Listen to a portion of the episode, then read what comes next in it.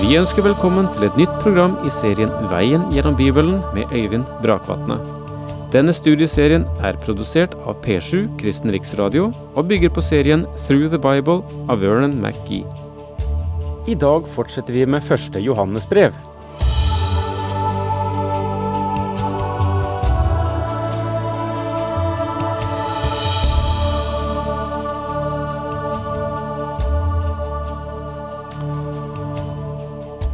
Johannes første epistel, eller Johannes første brev, eh, nærmer vi oss slutten for gjennomgangen av.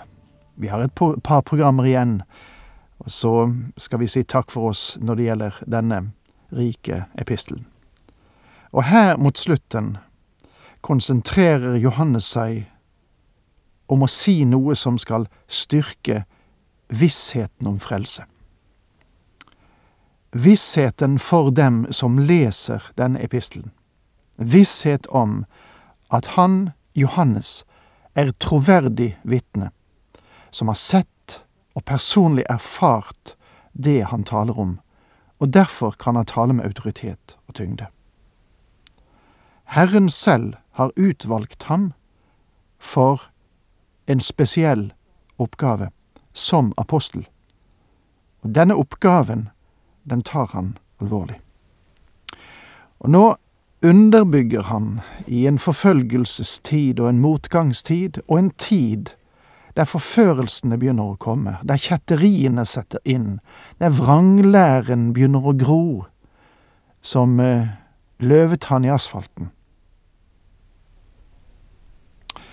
Der setter han nå inn og klargjør budskapet, og forteller at det de står på, kan de stå trygt på. Uh, og vi er kommet til, eller holder på med det åttende verset i første Johannes brev, kapittel fem. Og la oss gå et par vers tilbake og bare lese uh, der for, for sammenhengets skyld. Han taler om de som vitner om Kristi eh, forsoning, om forsoningens realitet, og sier det er tre som vitner. Ånden og vannet og blodet. Og disse tre samstemmer. Og denne samstemmighet, det dreier seg om hensikten med å presentere Jesus Kristus som frelser for verden. Det er Han som er sentrum. Det er Han som betalte straffen for våre synder. Og dette klargjøres ved at Ånden levendegjør Guds ord for oss. Og dette ordet, og denne Åndens medvirkning, renser også vårt sinn. Og ikke bare gjør oss til Guds barn, men er med å bryte syndens makt i oss, så den ikke skal herske over oss. Og det mest forunderlige rensemiddel som finnes, det er Guds ord. Det kan rense og frelse. Dere er jo født på ny, ikke i kraft av forgjengelig, men av uforgjengelig sæd, ved Guds levende ord, som er og blir, skriver Peter i sitt første brev, kapittel 1, vers 23. For Guds ord fremstiller Kristus som gav sitt blod for dine og mine synder. Han døde for oss. Han ble oppreist til vår rettferdiggjørelse. Han kan ikke bare frelse deg, men Guds ord kan også bevare deg ren mens du vandrer her nede. Du kan bruke alle mulige slags sprayer eller kremer eller vaskemidler, men det har ingen betydning for det å være ren på innsiden. Men Guds ord har denne makten, og det er det Johannes understreker her. De er tre som bærer vitnesbyrd på jorden, Ånden bruker ordets vann og tillemper blodet til vår frelse, og disse tre går ut på ett. De vil frelse og bevare deg frelst.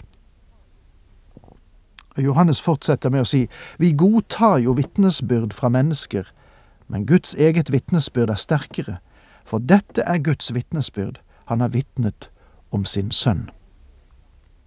Jeg vet ikke hvordan du har det, men mange mennesker jeg snakker med fra tid til annen, er kommet i en tillitskrise mellom seg selv og nyhetsmediene, politikerne og den fremstilling aviser og elektroniske medier gir. Og det er også noen nyhetsformidlere jeg stiller spørsmålstegn ved.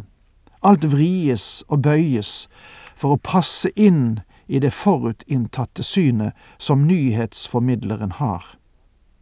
Og det er en kjent sak at politikere i våre dager kommer et godt stykke ned på listen når spørsmål om troverdighet kommer opp. Og det er ikke tvil om at mye av et menneskes popularitet eller misere bestemmes av hva mediene sier om vedkommende. De største slyngler kan bygges opp av media, og selv de ærligste sjeler kan knuses av media. De fleste mennesker tar imot vitnesbyrdet av mennesker. De fanges inn av det. Om det sies i fjernsynet, så vil folk flest tro det. Det er mange mennesker som tror alt det de leser eller hører eller ser, men de vil ikke ta imot Guds vitnesbyrd. Men Guds vitnesbyrd er større og sikrere og mer objektivt, mine venner. For dette er Guds vitnesbyrd. Han har vitnet om sin sønn. Gud gir oss i dag ikke nyheter om ethvert tema. Hans nyheter er gode nyheter, og de er om Hans sønn som døde for oss på korset, og det er hans budskap.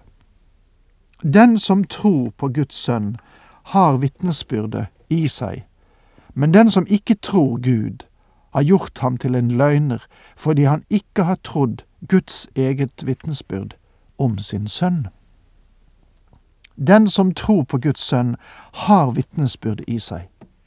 Om du har stolt på Kristus som din frelser, så bor Den hellige ånd i deg, og han bærer vitnesbyrd om at disse ting er sanne.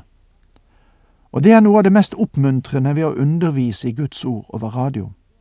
Mange av dem som lytter, har aldri sett meg, og jeg går ut fra at de ikke har tapt noe på det.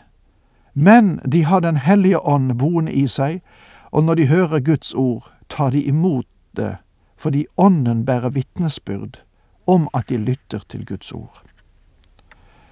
Og dette er vidunderlig og en veldig oppmuntring i forkynnelse og undervisning av Guds ord, enten det nå skjer via en prekestol, over radio eller gjennom andre medier. Men den som ikke tror Gud, har gjort ham til en løgner. Når du ikke tror Gud, så legg til dine øvrige synder også det at du betegner Gud som en løgner. Gud sier, stol på Kristus, og jeg skal frelse deg. Om du sier, jeg trenger ikke Kristus for å bli frelst, da kaller du Gud en løgner. Jeg har et brev fra mennesker som lenge lyttet til veien gjennom Bibelen for å få noe å kritisere meg for. Og det behøver du sikkert ikke å lytte så lenge for å finne. Men etter hvert har de blitt overbevist om sannheten i Guds ord, og Guds ånd har båret sitt vitnesbyrd til deres hjerter, og de har fått se at de trenger en frelser. Fordi han ikke har trodd Guds eget vitnesbyrd om sin sønn. Ja, hva er vitnesbyrdet? Ja, det vil Johannes fortelle oss. Og dette er vitnesbyrdet. Gud har gitt oss evig liv, og dette liv er i Hans Sønn. Hva er vitnesbyrdet? Vitnesbyrdet er knyttet til evig liv gjennom Hans Sønn. Evig liv, det er å ha Kristus. Og det koker ned til dette ene punktet. Og dette er evangeliet i et nøtteskall. Dette er den enkleste test du kan legge på dette budskapet. Den som har Sønnen, eier livet, men den som ikke har Guds sønn, eier ikke livet. Den som har Sønnen, eier livet. Han skriver ikke 'den som tilhører en menighet, har livet'. Det finnes sikkert mye som er prektig og rikt i din menighet, men det er ikke liv i den. Det betyr lite hvilken menighet du tilhører, ditt kirkemedlemskap sikrer ikke din frelse. Men hva betyr det da å være frelst? Den som har Sønnen, har livet. Og spørsmålet er ganske enkelt, har du Kristus? Er han din frelser? Stoler du på ham på en slik måte at du vet at det finnes ingen andre, verken i himmelen eller på jorden, som ellers kan frelse deg? Min venn, om du ikke har kommet til dette punktet, så har du ikke gått langt nok. Å bli frelst betyr å stole på Kristus. Og det betyr å ha Jesus Kristus som din frelser. Den som har Sønnen, har livet. Han er vår livbåt.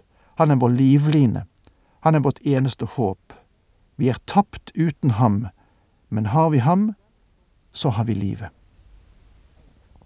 Den som ikke har Guds sønn, eier ikke livet. Min venn, kan det sies klarere enn dette? La oss glemme dette med religion, la oss glemme spørsmål om kirkelighet eller organisasjonsmønster, la oss glemme alt dette flisespikkeriet som foregår på den teologiske front også i dag. Glem det, min venn. Det eneste viktige er dette, har du Kristus, er han din frelser. Og Det er årsaken til at Johannes har understreket at Jesus er Guds sønn. Og jeg vil gjerne få si at en delt frelser finnes ikke. Han er Gud kommet i menneskeskikkelse. Han er den eneste som kan frelse oss. Han er absolutt enestående, og det er ingen andre som ham. Han er Guds enbårne sønn. Han døde på korset fordi han alene var den som kunne betale straffen for våre synder. Han står opp igjen, og han lever i dette øyeblikk ved Guds høyre hånd for vår skyld. Han er den levende Kristus. Har du ham som din frelser? Og det er det eneste spørsmålet du trenger å svare på. Hvis du har ham, da har du livet. Du er frelst. Og det er det som sies her. Tror du det Gud sier, eller tror du det ikke? Om du ikke tror ham, så har du gjort ham til løgner. Min venn, Johannes har brettet ut dette på et plan der alle kan få tak i det. Du kan ikke komme unna dette. Det eneste som nå vil skille deg fra å komme til Kristus, er synden i ditt liv, og det at du ikke vil gi den opp. Det er det eneste i verden som kan hindre deg, og det er en avgjørelse du må ta. Dette har jeg skrevet til dere for at dere skal vite at dere har evig liv, dere som tror på Guds sønns navn. Johannes har en tofoldig hensikt med sin epistel. Først for at dere skal tro på Guds sønns navn, det er frelse, og for det andre for at dere skal vite at dere har evig liv. Om du har Kristus, om du tror på ham, så har du liv. Mange mennesker sier 'jeg ønsker bare å tro at jeg har evig liv'. Spørsmålet er hvem tror du på? Ikke hva du tror, men hvem tror du? Tror du Gud? Tror du det han har sagt?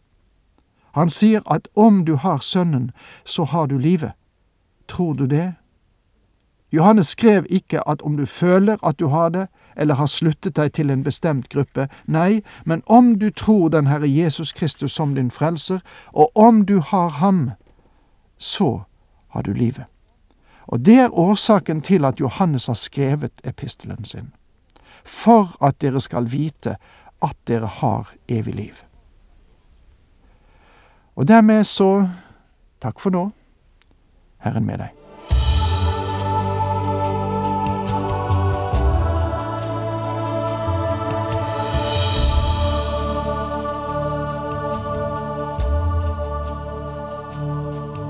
Du hørte Øyvind Brakvatne i studieserien Veien gjennom Bibelen. Serien bygger på et manus av Vern McGee. Har du spørsmål eller kommentarer til programmet, kan du sende en e-post til vgb krøllalfa p7.no. Takk for i dag, og på gjenhør.